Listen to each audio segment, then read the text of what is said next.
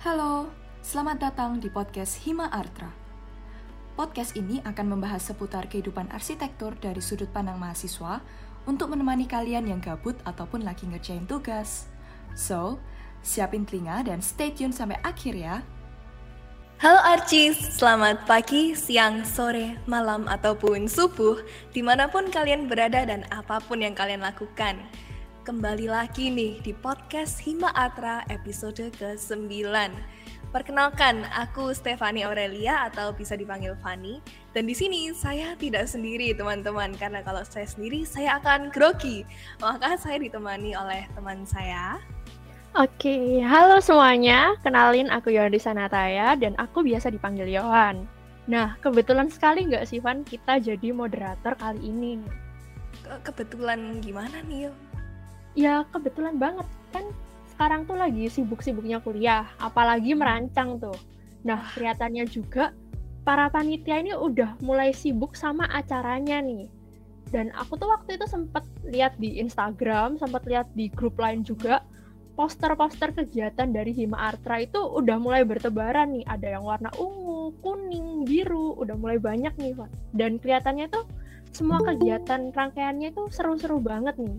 Tapi Tapi uh, tapi aku tuh pingin ikut ya benernya. Cuman kayak kewalahan gitu karena ada acara kuliah juga, ada kelas gitu, sibuk banget gitu loh kuliahnya. Oh, oh, iya iya iya bener. Aku juga sungguhan. Aku tuh misalnya ya, aku pingin ikut ini, terus aku aduh kejeduk eval. Terus mau ikut itu, wah besok presentasi, presentasinya di depan banyak orang lagi, kayak sedih banget gitu loh. Iya nih. Dan tapi kita ini uh, pasti curious banget gitu ya kan tentang gimana sih kegiatannya gitu dan kita, aku yakin juga kalau teman-teman artis ini juga pada penasaran tentang serba-serbi kehidupan mahasiswa dari sudut panitia nih. Iya nih, kalau kita yang mahasiswa nggak panitia aja sudah kewalahan, gimana ya yang panitia? Dan makanya teman-teman, untuk memuaskan rasa ingin tahu ini, kita akan kedatangan tamu undangan yang spesial nih bisa nebak nak nih teman-teman. Kita kasih hint nih sedikit sebelum kita bertemu dengan mereka. Nah, mereka ini adalah uh, para ketua dari acara rangkaian kegiatannya Hima Artra. Gak cuma satu, tapi ada beberapa tamu hari ini, Alkis. Nah, siapa aja ya nih? Ayo.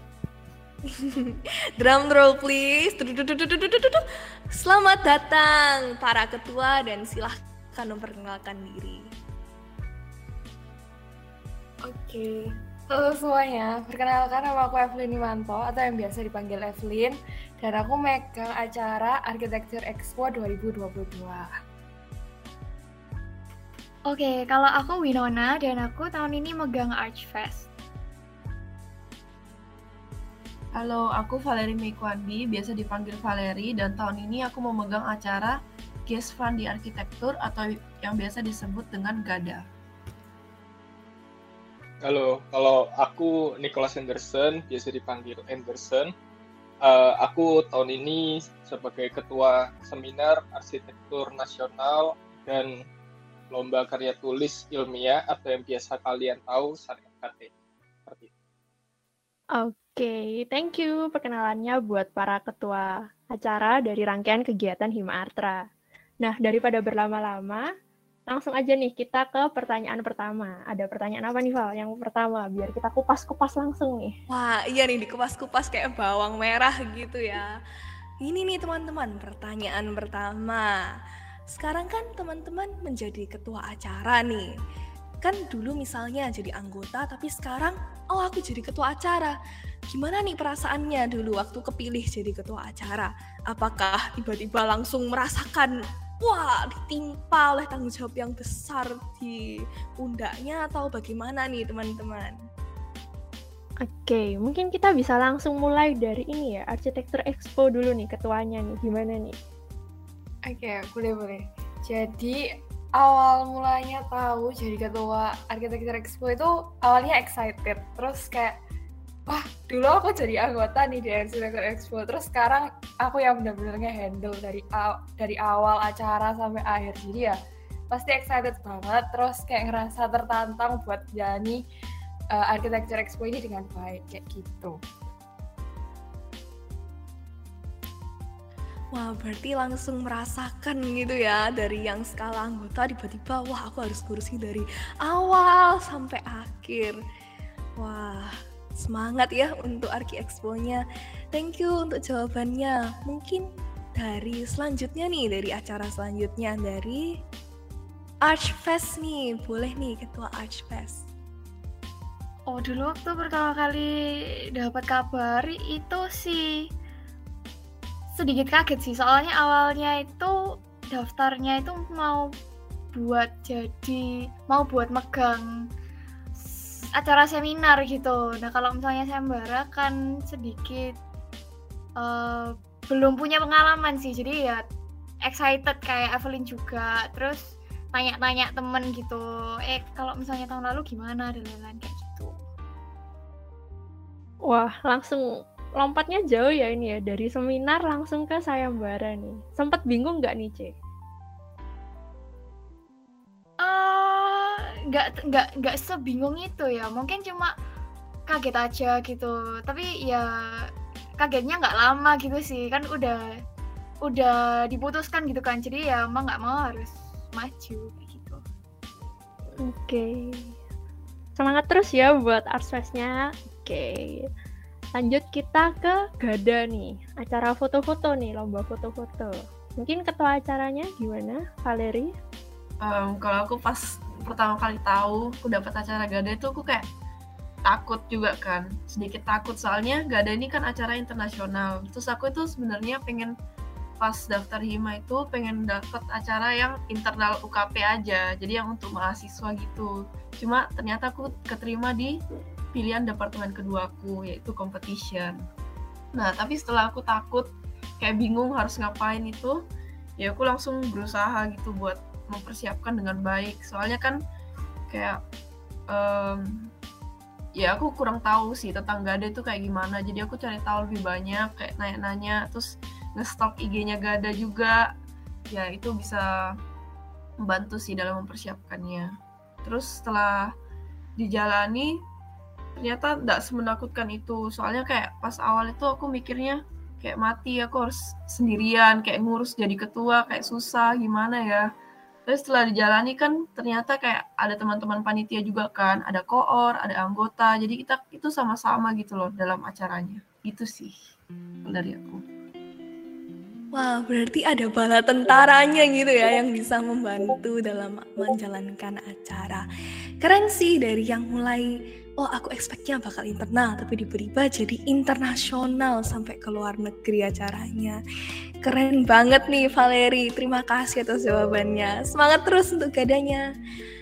Oke kita mungkin lanjut ke acara selanjutnya yaitu Sun LKT ini yang menulis-nulis. Boleh nih ketuanya. Uh, ya kalau aku mungkin lebih plot lagi ya. Soalnya aku awalnya lebih gak percaya kalau aku bakal masuk ke Hima, bakal kepilih gitu. Aku awalnya malah ngira kalau ketika aku daftar aku bakal ditolak. Soalnya waktu itu aku inget banget wawancaraku kurang banget persiapannya.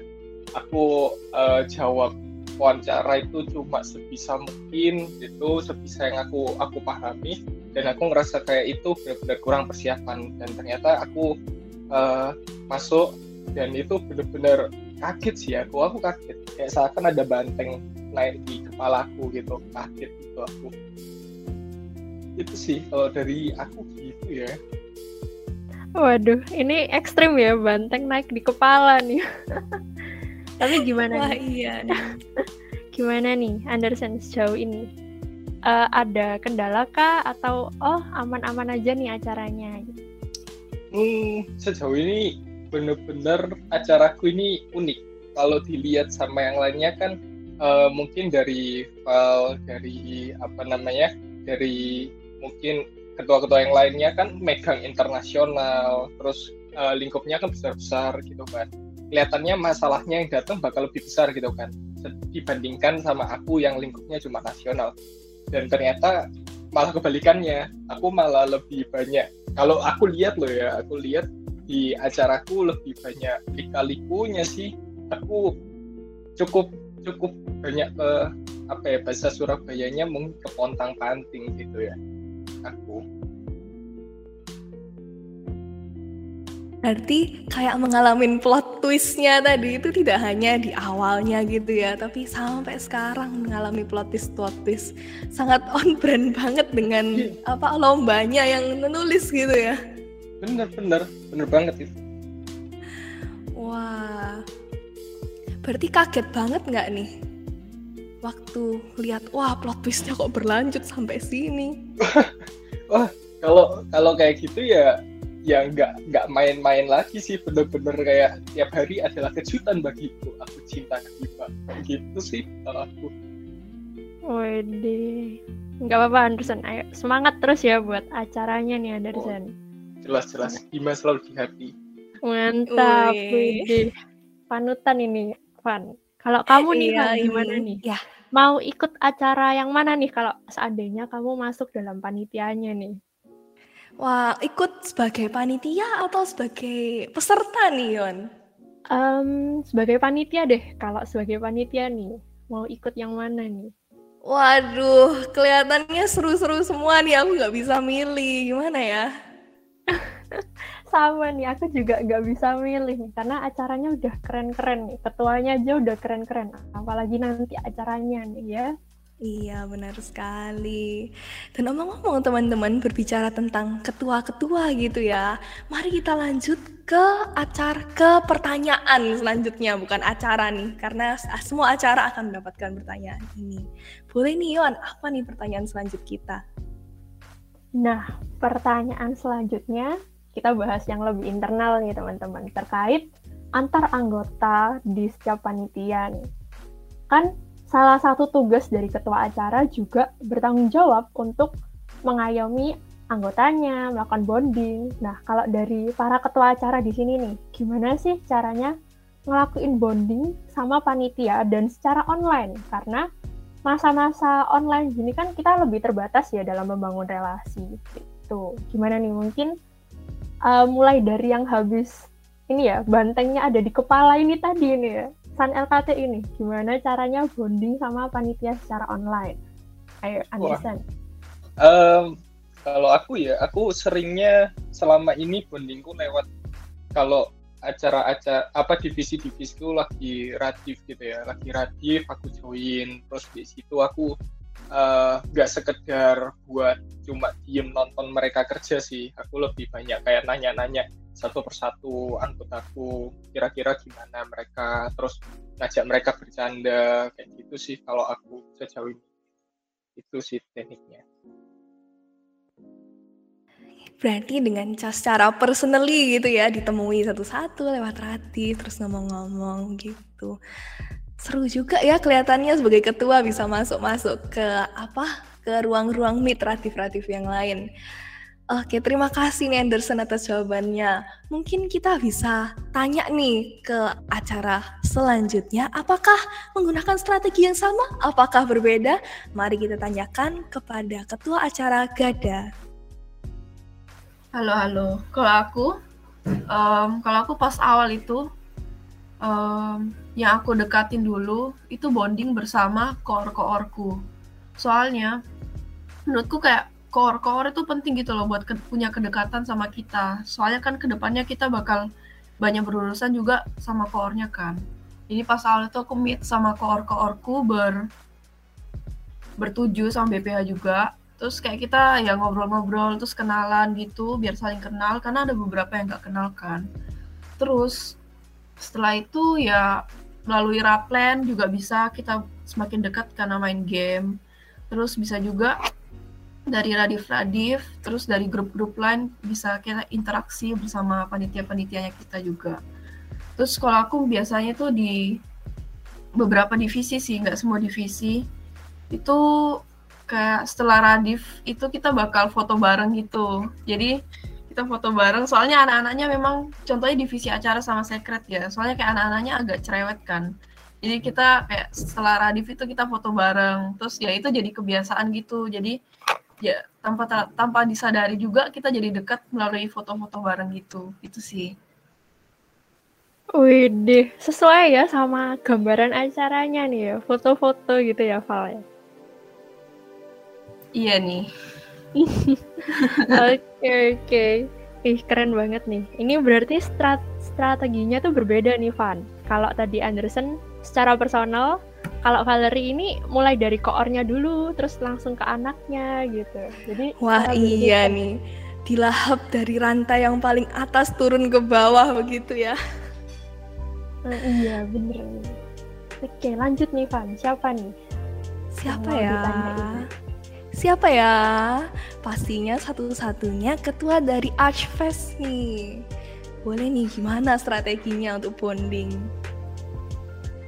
Kalau aku sih mungkin lebih mirip sama Anderson ya. Rasanya sebelumnya sih sudah uh, kenal sama beberapa koor kayak gitu sama juga beberapa anak dari situ rasanya secara alami waktu kerja bareng dan lain-lain itu kayak jadi deket-deket sendiri gitu kayak misal kalau misalnya ada keperluan kan pasti PC-PC atau ngemit bareng atau kayak ngerjain uh, misal kita bikin promo buat acaranya kita kan itu ngemit bareng dan lain-lain nah itu otomatis jadi deket sih menurutku gitu Oh, oke okay, oke. Okay. Mirip-mirip sama punyanya San LKTI ya, C.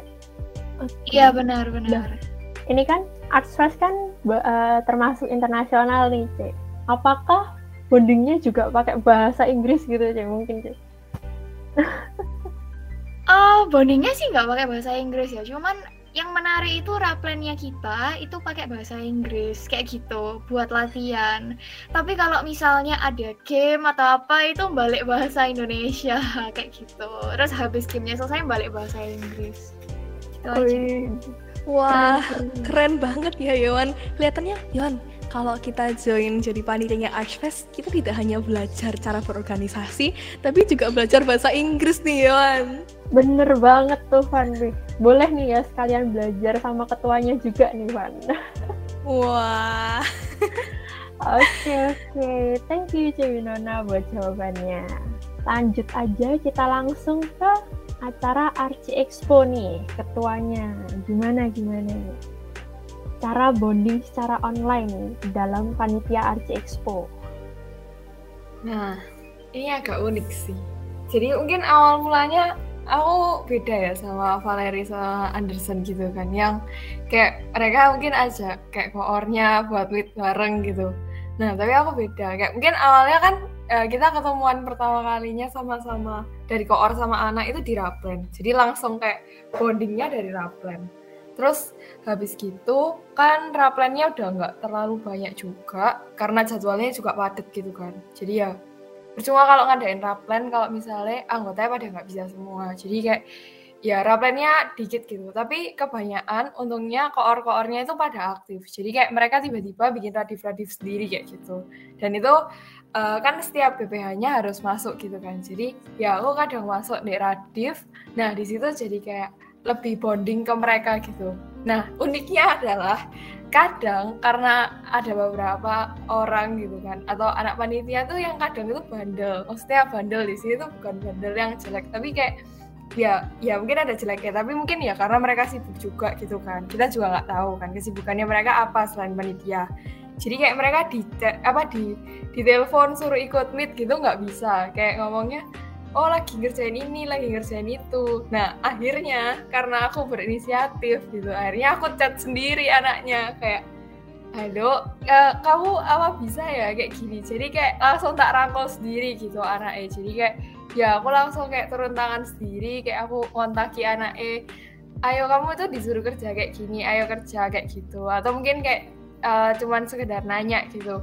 Kamu progresnya sampai mana? At least kayak aku tahu gitu dia itu benar-benar bekerja atau enggak kayak gitu sih kira-kira. Gitu. Kalau dari expo. Wah keren ya, berarti turun ke lapangan secara langsung nih, dihampiri satu-satu nih anggotanya. Sangat berwarna sekali ya kelihatannya kehidupan panitia ini dari Archie Expo, kemudian Archivest, Gada, Sana KTI kelihatannya sangat berwarna sekali ya nih. Para ketuanya turun langsung, kemudian melakukan segala-segala hal yang berwarna-warni ini. Terima kasih Evelyn atas jawabannya. Sekarang aku ada pertanyaan lagi nih teman-teman. Kan tadi para ketua ini kan melihat semua radif yang terjadi di acara-acara ini kan. Lompat sini, lompat sana, kayak kodok, kayak kelinci atau apalah yang bagus yang lompat-lompat. Aku jadi penasaran nih, karena aku kan misalnya hanya jadi anggota, aku nggak tahu nih kegiatan apa sih kejadian lucu yang terjadi di panitia ini, apa sih yang terjadi, aku nggak tahu. Jadi aku nih penasaran banget gitu sama apakah ada nih pengalaman-pengalaman lucu yang terjadi selama menjadi panitia nih. Mungkin dari Ketua Gada nih, Valeri, mungkin ada cerita lucu nih di panitiaannya. Oh ini ada sih. Ini terjadi waktu Raplen 2 Gada. Jadi kan uh, sebelum Raplen biasanya kayak kita itu minta tolong koor-koor buat ngabsen anak-anaknya kan. Misal divisi acara lengkap, divisi sekret lengkap gitu kan. Nah, terus kayak aku itu kan komen di kolom komentar di kolom chat Zoom kayak aku ngomong guys ayo absen guys. Gitu kan. Terus ada satu anak acara nanya di grup divisi. Bilang lo C pakai QR code ya? So aku kayak heran tuh. Aku bingung. QR code apa ya? Terus dia bilang kayak kelas gitu kan pakai QR code. So kayak oh enggak enggak absennya tuh cuma tulis lengkap atau belum? Kayak gitu sih. Pakai QR code ya? Iya mungkin ini ya udah kebanyakan kelas kali ya. Iya, iya semangat sekali nih kelasnya. iya itu sih. Terus ada lagi satu. Jadi kan iya, apa ini? Um, kan Raplan kedua itu juga pakai bahasa Inggris kan. Soalnya acara kita internasional. Jadi kita sekalian latihan kayak Cewin tadi pakai anu bahasa Inggris. Terus kayak um, oh waktu main game kan pakai bahasa Indonesia tapi kayak pas mau ngomong bahasa Indonesia itu MC ku anak acara itu kayak lupa gitu loh bahasa Indonesia-nya apa. Sampai kayak mereka nanya di grup ini apa bahasa Indonesia-nya? Ini apa?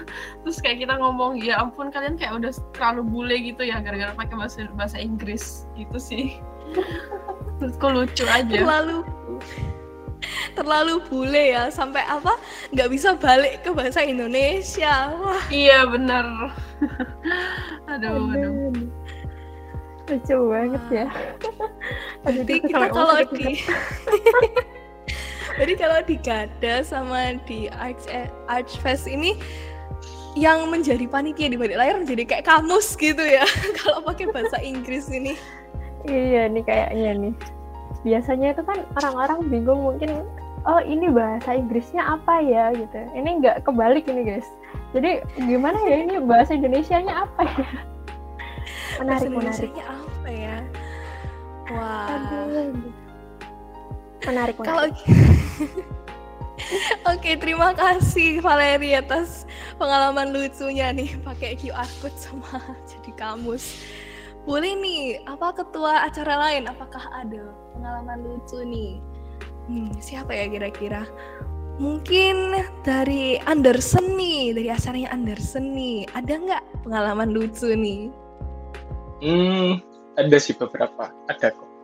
Tapi aku lebih ke arah uh, personal ya. Jadi nggak kalau tadi Valeri kan pas lagi raplen. Kalau aku lebih ke arah kayak lagi chat personal atau mungkin lagi pokok omong-omongan berdua aja gitu. Kalau aku kayak gitu. Um, kalau pernahnya itu mungkin yang pertama itu sih awal-awal dulu masih buat poster di awal-awal itu kan aku banyak banget chat sama kontakan sama PDD ku, core PDD ku. Nah, si core PDD ku itu kayak aku tahu dia itu kayak pinter gitu, pinter pinter pakai bahasa apa pakai komputer. Soalnya dia itu uh, tiap kali asistensi, aku kan juga sekelompok merancang sama dia di semester yang lalu. Itu dia selalu asistensi pakai SketchUp dan hasilnya itu memang bagus dan dia memang uh, apa namanya uh, udah sering pakai komputer-komputer gitu. Jadi dia untuk masalah digital pinter gitu. Aku oke okay lah. Aku ajak dia jadi koor uh, dengan dengan harapan aku bakal cepet nih kalau kerja sama dia. Buat apa-apa aku minta gampang. Dan ya memang bener sih apa namanya begitu udah mulai poster nih ya. Poster kan bakal sering revisi. Bagi yang nggak tahu kita untuk buat poster itu bisa aja revisi sampai 3-4 kali kayak gitu. Nah itu kan cukup banyak dan cukup uh, apa namanya filenya kan juga cukup besar kan. Nah itu si ku itu aku udah bilang kamu kalau misalnya butuh apa-apa kamu bisa ngontak anak-anakmu kamu bisa ngontak para panitia gitu. Kamu bisa minta tolong. Dan dia itu kayak gak, gak usah. Aku bisa. Aku bisa kok son aku bisa. Gak apa-apa tak kerjanya sendiri aja. Oke oke oke ya udah. Pokoknya lah, lah misalnya butuh apa-apa kamu cerita. Kamu ngomong oh ya di anak-anakmu. Jadi nanti dia bisa saling backup. Ya ya ya gampang gampang gampang. Santai santai bisa kok bisa. Revisi kedua habis ke SC direvisi. Revisi ketiga direvisi lagi kan? Terus habis itu dia mulai mulai ngeluh. Ini kok sering direvisi ya? Ini ya apa gitu ya? Apa apa namanya dikira kita itu gak punya kesibukan? Ngomongnya kayak gitu. Oh aku mulai oh aku mulai kerasa nih waduh ini koorku ini mulai capek ini dengan revisi-revisi. Aku ulangi lagi. Uh, kamu itu apa namanya? Kamu bisa kok pakai anak-anakmu itu. Kamu pakai aja. Dia tetap tapi. Dia tetap gak nggak usah nggak apa-apa. Bisa kok. Ini tak revisi lagi. Aku iso aku iso. Santai santai. Gitu kan bener revisi keempat akhirnya dewi sih table dia dia sendiri yang table son. Dia dia tiba-tiba sore gitu nge PC aku. Son aku kalau keluar jadi koor gimana ya? Kan aku yang oh panik no. ya oh karena aku yang panik ya kalau dia dia tiba-tiba aku nggak kuat so jadi koor. Aku tak keluar ya jadi koor. Revisi empat kali semua disuruh ngulang. Aku yang panik dong aku sebagai ketua kan panik udah nyari core susah. Terus habis itu uh, dia juga di awal-awal kan bilang aku bisa aku bisa kayak gitu. Dan ternyata di akhir-akhir dia sendiri yang kewalahan gitu. Dan dia tiba-tiba nge PC memberikan kabar duka. Son aku nggak kuat. Nek aku keluar jadi keluar dari koormu gimana ya? Cari okor baru aku gak kuat. Aduh aduh bisa tuh aku. Aku pusing banget sih waktu itu tapi untungnya iya makanya itu. Untungnya waktu itu aku aku berhasil apa namanya dapetin hatinya lagi lah gitu. jadi hmm. dia nggak nggak nggak apa namanya nggak jadi keluar dia ngelakuin revisi lagi dan ya puji Tuhan uh, revisi yang kelima itu akhirnya diterima gitu. Jadi ya sampai sekarang dia masih jadi koordinator di diskusi itu salah satu cerita lucu yang ada di San LKTI mental baja banget ya sama revisi ya. Sudah superhuman ini. Memang anak arsi ini harus kebal revisi guys. Wah benar sekali nih. Aku yakin ini artis yang mendengarkan ini merasa, hmm, revisi. I know Sudah. that feeling. Sudah biasa mendengarnya nih.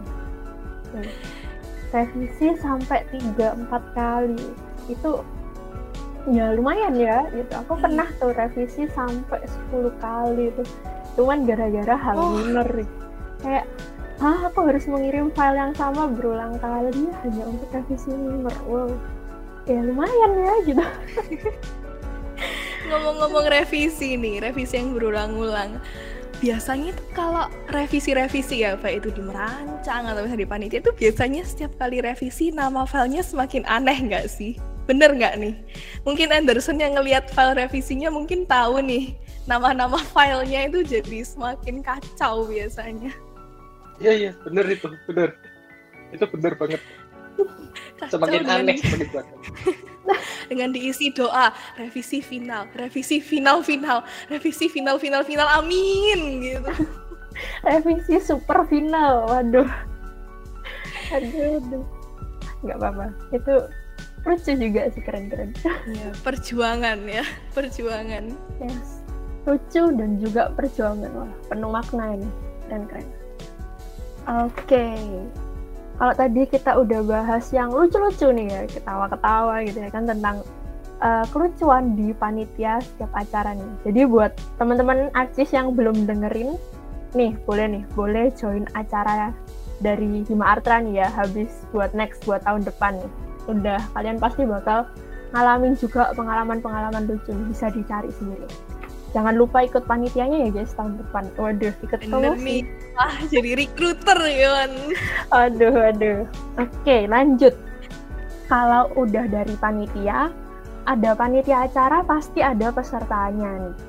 Dan di masa online ini dengar-dengar nggak semudah itu mencari peserta buat kegiatan-kegiatan, terutama kegiatan lomba nih. Mungkin buat semua ketua acara di sini ada tips and tricks sendiri nih buat cari peserta untuk acaranya nih. Mungkin uh, karena aku kepo dulu dari uh, Expo, mungkin boleh duluan nih, gimana?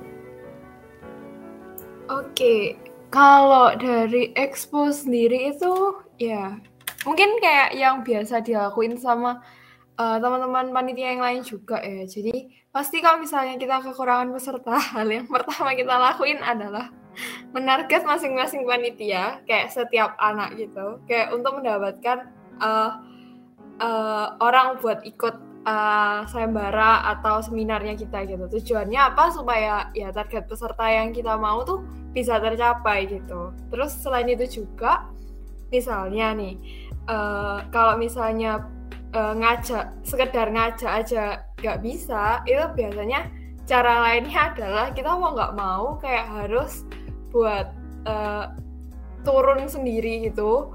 Kayak DM atau ngechat lain sampai yang kayak ayo ikutan yuk nanti nanti kayak kita dapat benefit loh kayak gini-gini. Jadi kayak benar-benar langsung ditawarin langsung dan kayak mungkin bahasa kasarnya memaksa ya.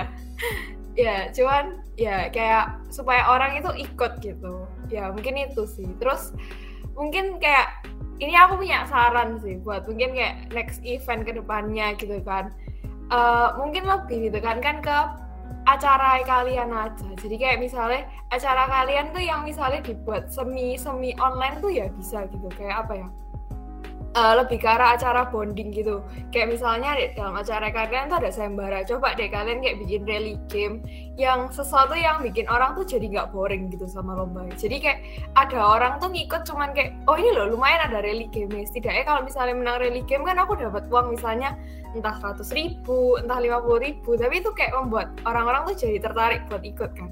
Setidaknya kalau misalnya dia nggak menang di sayembara, dia bisa menang di rally game. Kayak gitu mungkin ya ya mungkin dari aku itu dulu.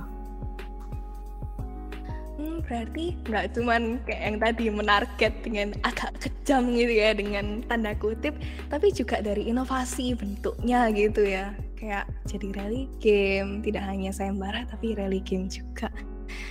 Menarik sekali ya cara strateginya ini. Mungkin bisa menjadi inspirasi nih buat kita semua. Oke terima kasih Evelyn atas jawabannya mungkin kita pengen denger nih dari acara yang selanjutnya yaitu Archfest nih. Boleh nih. Gimana tips and triknya untuk mencari peserta? Kalau dari Archfest sih rasanya juga kurang lebih trip tips and tricksnya kita mirip-mirip ya. Minta tolong panitia kita buat ngontaki teman-temannya mereka atau bahkan kayak orang-orang yang mereka nggak kenal pun ya diajak aja nggak apa-apa memperkenalkan uh, event kita gitu. Terus kita juga meng-email universitas-universitas, soalnya kan kita internasional, jadi kita meng-email universitas nasional maupun internasional mengenalin acaranya kita, terus minta tolong mereka apa boleh minta tolong dibantu publikasikan di universitas mereka kayak gitu. Terus apa lagi ya? Terus kita juga sempat bikin promo-promo yang dibatasi waktu gitu. Jadi misal dari tanggal sekian sampai tanggal sekian itu ada diskon 20%. Itu waktu 2.2.2 seperti itu. Terus yang paling membantu sih menurutku promo-promo yang dibatasi waktu itu sama nge-PC orang sama kayak early bird gitu sih soalnya orang itu bakal kepepet buat daftar terus mereka akhirnya itu uh, kayak hamin satu ditutup pendaftaran early bird gitu mereka banyak yang daftar kayak gitu. Dan of course biayanya juga lebih murah juga buat pendaftaran. Jadi gitu sih kurang lebih. Oke oke, ya bener sih. Aku juga ngerasain sih kalau early bird ini sangat menantang para pesertanya buat ayo segera daftar mumpung lagi diskon gitu. Thank you thank you si Winana buat jawabannya nih. Oke, lanjut aja langsung setelah dari Arswes kita pindah ke Gadan acara foto-foto. Gimana ketua Gada? Oke, dari kalau dari Gada itu dari awal dari plan pertama itu kayak aku tuh udah ngasih tahu kalau cari peserta itu sangat diperlukan gitu loh di acara Gada ini.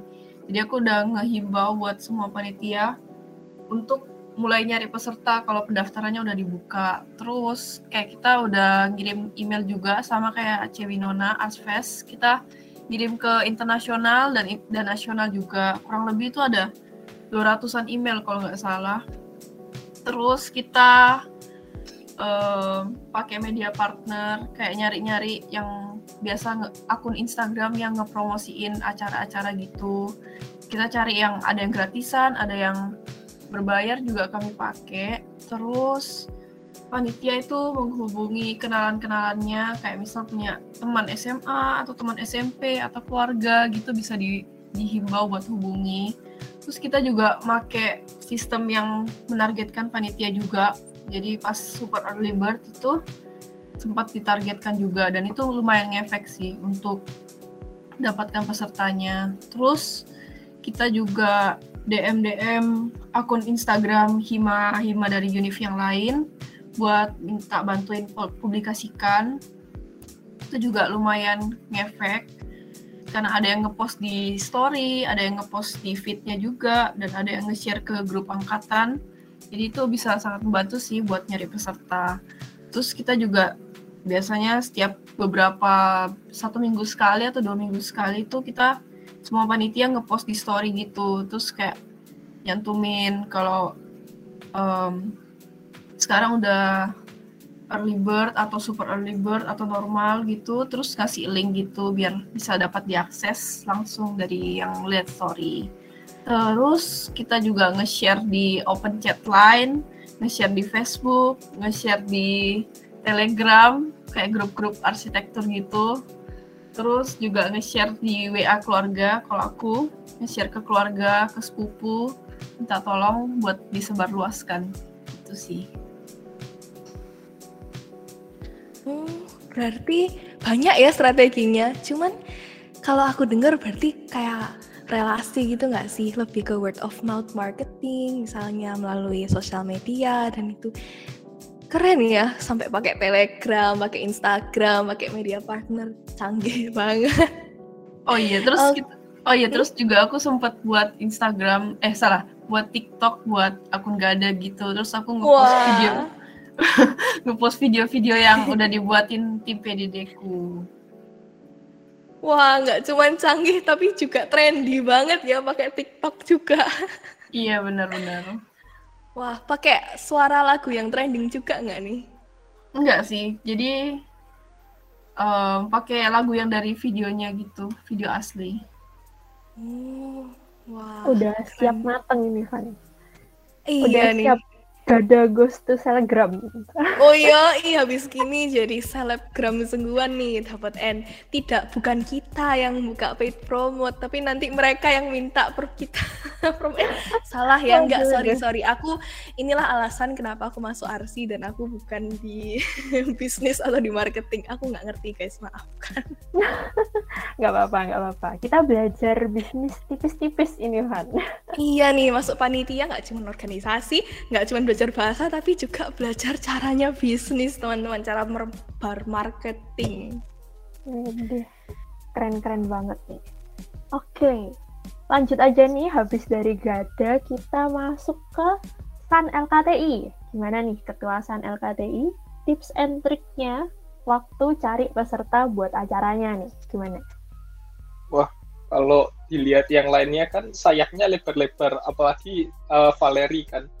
Itu jujur aja aku nggak sampai se ekstrim itu sampai media partner pakai Facebook, pakai TikTok gitu aku udah uh, kita kita promosinya lewat sosial media bentuknya Instagram, terus kita chat secara personal lewat grup angkatan.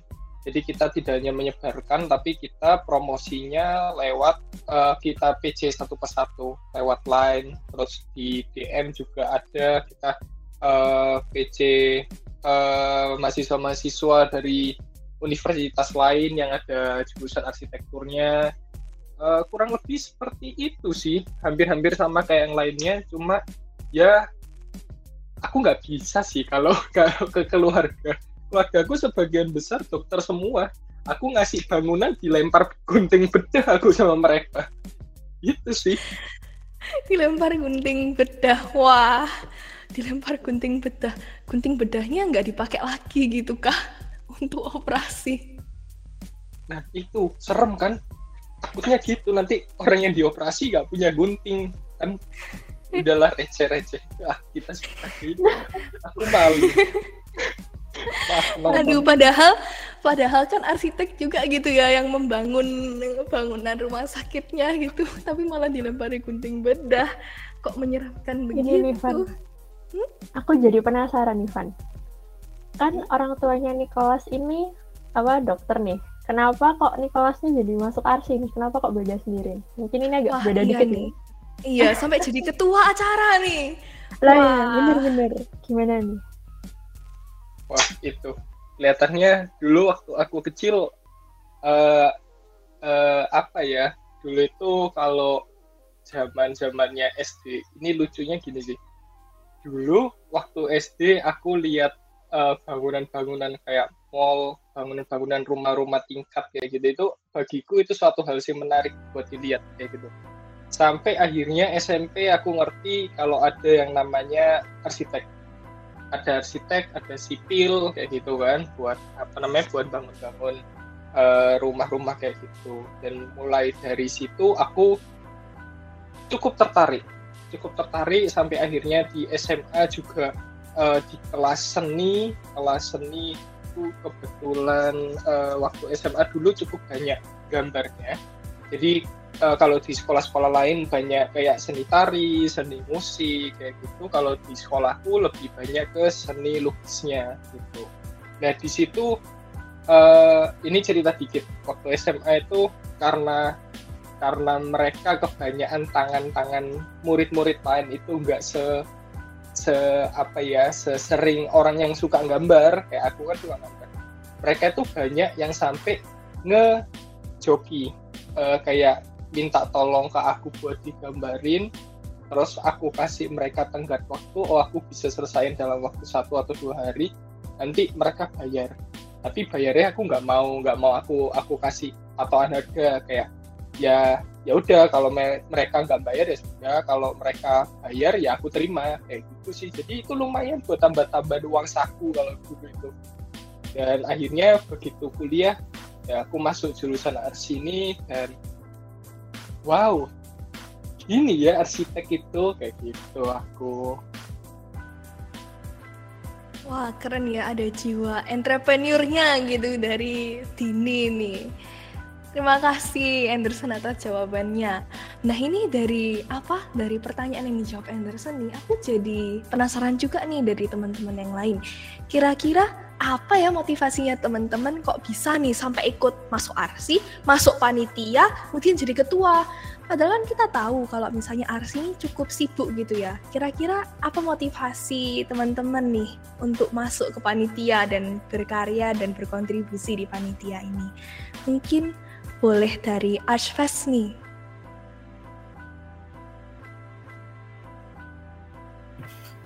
Sorry, sorry, apa boleh diulangi ya internetku dikit putus-putus. Oh iya, iya. Uh, kira-kira apa motivasinya Cece untuk menjadi panitia nih, kemudian jadi ketua panitia juga ini?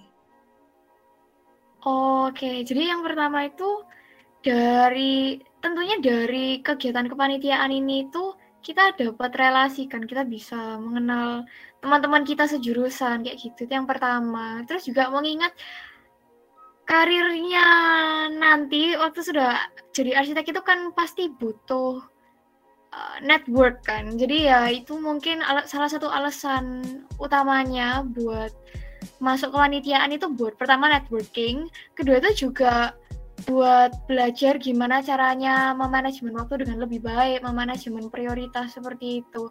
Nah, mungkin ini sedikit counter intuitif ya, tapi dari pengalamanku itu kadang semakin banyak tugas yang ada, itu kita semakin rajin gitu loh. Jadi kalau misalnya tugasnya itu uh, dikit gitu, mungkin kita kayak menunda-menunda pekerjaan, terus malah nanti kerjanya mepet atau telat kayak gitu. Tapi kalau misalnya tugas kerjaannya itu banyak, kita jadinya lebih rajin mengerjakan terus akhirnya kerjaannya sendiri itu jadi hasilnya itu jadi lebih bagus. Dan juga diselesaikan dengan jumlah yang lebih banyak juga kayak gitu. Keren keren keren. Ini mirip sama kayak yang aku alami sih, Cik. Jadi kayak semakin banyak tugas kan semakin kepepet-pepet gitu ya. Terus kayak oh ini mau gak mau harus selesai juga gitu ya Cek ya. Iya benar gitu. Terus kalau misal kalian tahu misal nih uh, tiga hari lagi ada eval. Cuman besok itu ada rapat jadi atau besok lusanya itu ada rapat. Jadi kalian berusaha menyelesaikan evalnya itu secepat mungkin terus akhirnya itu malah nggak mepet gitu dibandingkan kalau misalnya nggak ada rapat terus nanti malah oh nanti bisa kok nanti bisa kok terus nantinya malah mepet terus kerjanya tuh nggak maksimal kayak gitu. Woi keren Wah, keren keren. Keren ya sih tiga hari lagi wah eval terus panitia apa jadinya harus begadang ya sih kalau waktunya begitu. Waduh kalau itu sih rasanya tergantung orangnya sih. Aku punya teman yang kalau kerja itu cuma bisa malam kan. Nah itu ya hmm. rasanya pasti begadang. Kan kita semua arsi nih ya pasti juga tahu kan kalau begadang malam-malam ngerjain tugas itu ya lumayan ada serunya juga kan.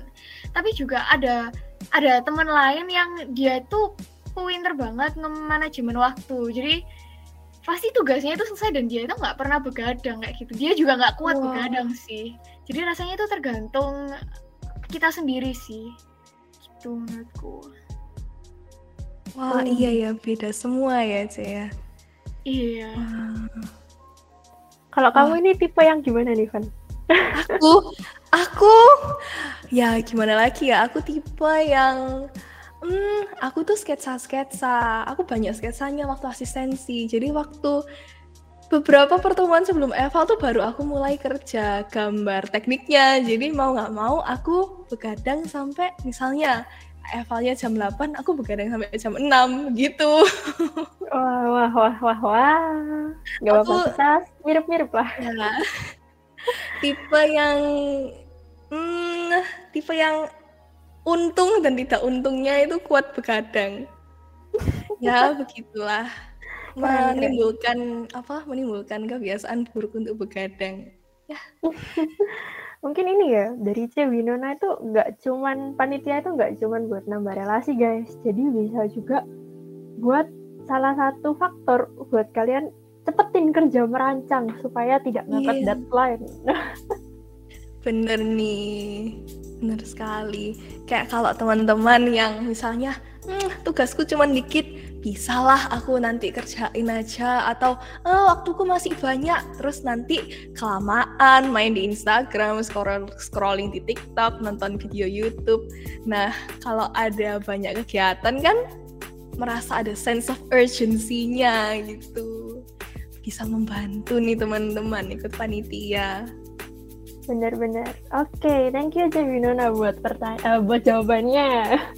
Oke lanjut nih. Aku pengen dengar salah satu pertanyaan uh, jawaban lagi dari salah satu ketua acara yaitu Arci Expo gimana nih? Motivasinya jadi ketua acara. Dan juga motivasi buat jadi panitia ya? Oke okay, oke. Okay.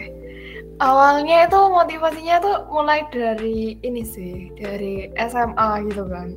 Karena kan SMA itu nggak diizinin organisasi sama orang tua karena ya jadwal gue SMA lumayan padat gitu. Kayak les terus ya aku juga dulu ikut choir jadi kayak ya waktunya pasti kebuangnya di choir sama les gitu. Kayak buat uh, nyempetin waktu lain itu kayak menurut mereka udah nggak ada gitu. Jadi kayak daripada nanti nilaiku jadi hancur semua gitu di SMA jadi kayak mereka bilang nggak usah ikut panitia panitia udah kamu kamu les sama choir aja udah cukup kayak gitu. Ya ya meskipun dalam hati kecilku aku masih pengen gitu kan coba berorganisasi. Nah terus ya setelah lulus kuliah kan udah nggak ada les. Terus kalau misalnya ada choir di UKP pun aku jujur kayak gak udah udah kayak mau pensiun gitu dari choir. Soalnya ya mungkin apa udah waktunya juga. Karena kan aku air udah dari SMP SMP SMA gitu. Jadi udah cukup lah uh, waktuku buat nyanyi gitu. Terus uh, jadi kayak pas kuliah aku benar-benar kosong gitu kan. Nggak ada jadwal les nggak ada nggak ada kegiatan lah. Kayak ya udah cuman kuliah aja gitu. Jadi kayak ya udah coba nambah pengalaman di panitia. Karena kayak disaranin juga sama uh, sepupuku gitu. Kayak ayo kamu kalau kuliah panitia aja seru kok kayak gitu. Jadi ya dapat dorongan juga buat panitia di pas kuliah gitu. Terus pada saat kuliah uh, ikut panitia itu juga cukup menyenangkan apalagi jadi anggota kan awal-awal. Kayak ngerasa seneng aja gitu. Terus kayak yang unik itu dulu tuh aku pernah kan wawancara tapi selalu ditolak. Kayak aku tuh bingung aja kenapa kok orang-orang tuh kayak rasanya pas wawancara aku selalu ditolak mulu gitu. Bingung aja ada sesuatu yang salah dong. Terus kayak ya udahlah kayak oh mungkin belum jalannya aku mikirnya kayak gitu. Terus waktu di kuliah nih sebenarnya juga awal-awal daftar tuh udah kayak hopeless. Karena jujur aku awal-awal panitia kan nggak tahu tuh kok rasanya kok nggak pernah dihubungin sama sama cutting mana pun gitu nggak balik kalau keterima bang pan atau apa gitu. Kayak nggak ada kabar aja terus tiba-tiba kayak cuman diomongin ala nanti uh, kamu pasti dihubungin kok. Gitu tenang aja nih pasti ada bagiannya gitu. Tapi kayak aku udah kayak yang pesimis kayak wah ini kok bau aku gak keterima panitia rasanya gitu kan ternyata ya ada jalan lain gitu kan kayak ya ternyata aku di kontaknya akhir-akhir tapi dapat acara yang lumayan gede yaitu ya expo ini yang kebetulan tahun ini dipercaya jadi ketuanya kayak gitu. Jadi kayak ya sedikit apa ya yang dari awal pesimis terus akhirnya gara-gara aku wawancara panitia organisasi kayak gitu terus kayak tiba-tiba langsung ditarik kayak gitu. Jadi ya cukup apa ya cukup cukup menantang cukup cukup uh, tertantang juga dan cukup excited gitu buat jalanin semuanya. Kayak gitu sih kira-kira. Terus untuk kira kenapa kok mungkin masih bertahan gitu ya saya sekarang? Karena uh, kalau boleh aku bercerita sedikit itu aku adalah orang yang kayak dulunya itu uh, gampang dibully gitu. Kayak uh, notabene-nya kayak orang tuh selalu menganggap remeh aku gitu. Jadi kayak di sini tuh aku mau nunjukin kalau misalnya aku tuh nggak nggak pantas buat injek-injek atau aku buat diremehin kayak gitu kayak gitu. Pian. Wow berarti apa begitu masuk panitia wah jadi apa menemukan powernya gitu ya menjadi oh aku aku orang yang seperti ini aku tidak boleh diginiin. Keren banget ya wah ya benar-benar keren sih salut banget sih wah Oke, terima kasih Evelyn atas jawabannya. Keren sih dari kesibukan SMA, kemudian sekarang beralih ke panitia dan di panitia bisa berkembang. Keren sekali ya teman-teman. Oke, untuk selanjutnya nih kita mau menanyakan motivasi menjadi panitia dan ketua ke ketua Gada, Valeri nih. Boleh nih angkat suaranya. Hai, oke. Jadi kalau dari aku sendiri, uh, pas SMA itu aku kayak kurang aktif gitu di sekolah, jadi lebih fokus belajar. Aku sempet sih kayak daftar beberapa organisasi pas awal, tapi kayak cuma keterima di satu organisasi yang nggak seberapa aktif menurutku.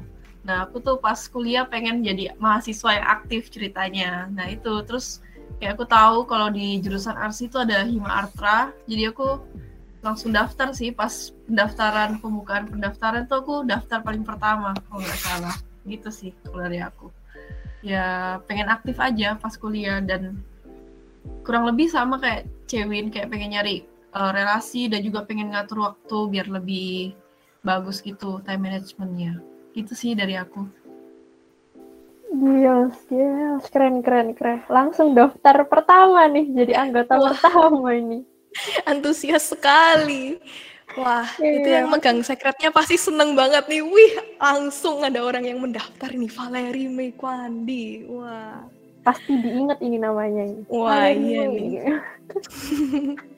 Oke, okay, thank you Valeri buat jawabannya nih. Mungkin uh, tadi kan pertama yang memperbincangkan tentang motivasi ini adalah ketua dari San LKT ini, Nicholas Anderson. Ada tambahan lagi nggak nih Anderson terkait motivasimu selama jadi panitia ataupun jadi ketua acara nih? Iya nih, mungkin mendengarkan apa yang lainnya berbicara, wah aku jadi inget aku punya motivasi ini.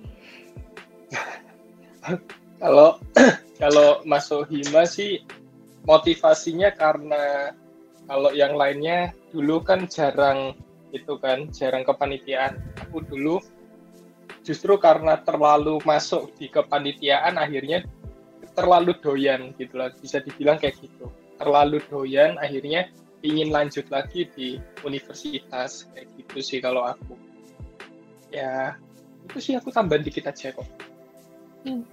Wah, berarti kayak kepanitiaan jadi kayak MSG gitu ya, membuat ketagihan gitu. Tapi MSG bukan dalam arti yang buruk kok, teman-teman. Dalam arti yang baik membuat kita menjadi semangat untuk ikut panitia nih. Benar-benar.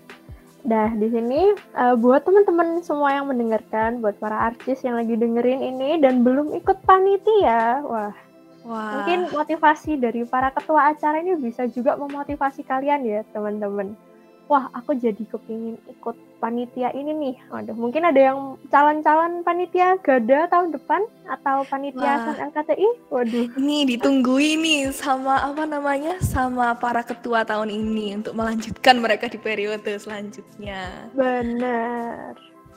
Oke. Kalau tadi sudah bahas motivasi, buat pertanyaan terakhir sebagai pertanyaan penutup, kita bahas yang simpel-simpel dan biasanya ditanyakan Pertanyaannya adalah, apa harapan setiap ketua acara untuk acaranya dan apa pesan buat para pendengar nih? Mungkin aku mulai dulu dari Ketua Arts Fest, C. Winona. Gimana nih? Kalau harapanku sih, ya pertama acaranya sukses. Terus pesertanya juga banyak, amin gitu kan. Tapi yang paling penting sih pesertanya sama juga panitianya itu bisa have fun gitu. Dari dari acaranya dan juga dari persiapannya pun juga have fun kayak gitu. Dan biar uh, apa yang kita dapat baik sebagai peserta dan panitia bisa berguna buat ke depannya nanti waktu kerja waktu mungkin studi lanjut dan lain-lain kayak gitu. Wah, oke. Okay. Terima kasih C atas harapannya. Semoga terkabul ke depannya. Oke, okay. boleh nih dari Ketua Expo nih, Evelyn. Kira-kira apa harapannya dan pesan-pesannya? Oke, okay. kalau harapan ya semoga semua rangkaian Expo pada tahun ini bisa berlangsung secara lancar terus sampai hari H juga lancar sampai nanti pembicaranya juga semoga nggak ada kendala jurinya juga. Jadi semuanya semuanya bisa berjalan dengan baik dan lancar gitu tanpa satu kendala apa pun. Amin. Terus untuk pesan kesannya uh, karena aku di sini sebagai ketua arsitektur expo yang di mana arsitektur expo ini adalah salah satu acara yang paling besar di arsitektur dari Hima uh, aku berpesan juga buat uh, adik-adik atau uh, teman-teman arsitektur yang lain.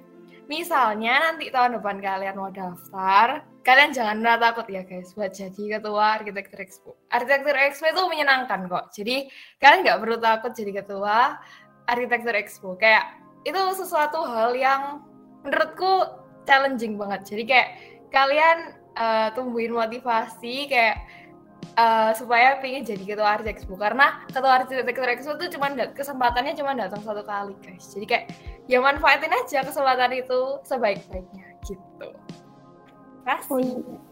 Oke, thank you Ketua AC Expo deh teman-teman. Kesempatan tidak datang dua kali ya guys. Jadi ya silahkan menikmati setiap kesempatan yang ada. Oke, kita lanjut ke Ketua Gada. Valeri gimana? Hmm, Pesan. kalau kalau dari aku harapannya itu ya kalau untuk peserta semoga pesertanya itu bisa mencukupi dan juga peserta dari acara Gada itu bisa mendapatkan manfaat itu dari, dari mengikuti kegiatan lomba Gada sendiri. Nah kalau untuk panitianya itu harapanku kayak semoga ke depannya tuh panitianya bisa tetap akrab gitu. Jadi Gada itu bisa jadi acara yang berkesan buat semua panitia jadi kita nggak cuma sebagai panitia aja tapi kita bisa berteman buat ke depannya. Gitu sih. Terus kayak untuk pesan-pesannya buat yang tahun depan misal mau daftar hima mau jadi ketua gada daftar aja guys. Soalnya ya kayak banyak banyak pengalaman berharga yang aku dapetin pas jadi ketua ini. Kayak pengalaman yang bak- nggak bakal kalian dapetin di tempat lain gitu menurutku. Kayak banyak sih kalau mau jelasin itu sih yang penting kalau mau daftar daftar aja jangan takut kayak kalian pasti bisa itu sih semangat Oke, terima kasih Vale atas harapannya. Jangan ragu teman-teman, unforgettable things menunggu kalian. Oke, semoga terkabul untuk harapan Valeri. Oke, untuk yang terakhir nih dari Ketua San LKTI Anderson, apa nih harapan dan pesan-pesannya? Hmm, kalau harapan buat acara sekarang, eh, moga-moga lancar karena habis ini kita apa namanya bakal open sun juga. Eh, lebih tepatnya sekarang juga udah open. Jadi buat pendengar, yuk daftar sun biar rame gitu ya seminarnya. Eh, terus eh, lancar buat buat pesannya ya, pesannya buat adik-adik nanti buat hmm, penerusnya kita. Buat penerusnya kita, ketua-ketua ini, kalian harus lebih baik daripada kita. Supaya nama Hima semakin harum di luar sana. Seperti itu sih kalau dari aku. Oke, semoga semua yang diharapkan bisa terkabul ya Anderson dan semoga acaranya sukses selalu. Oke. Dan sekarang kita udah di penghujung podcast. Thank you buat semua artis yang sudah mendengarkan podcast ini sampai akhir. Harapan kami semoga setiap acara dapat berjalan sukses sampai akhir dan berjalan sesuai yang direncanakan. Dan buat para pendengar, semoga podcast ini bisa menjadi motivasi kalian untuk mengikuti panitia di kegiatan selanjutnya nih. Akhir kata, kami pamit undur diri. Selamat pagi, siang, sore, malam, ataupun subuh, di mana pun kalian berada dan apa pun yang kalian lakukan. See you and God bless you, Archies. Goodbye. Terima kasih telah mendengarkan podcast Hima Artra. Semoga menjadi inspirasi dan nantikan terus podcast-podcast kami berikutnya. Cheers!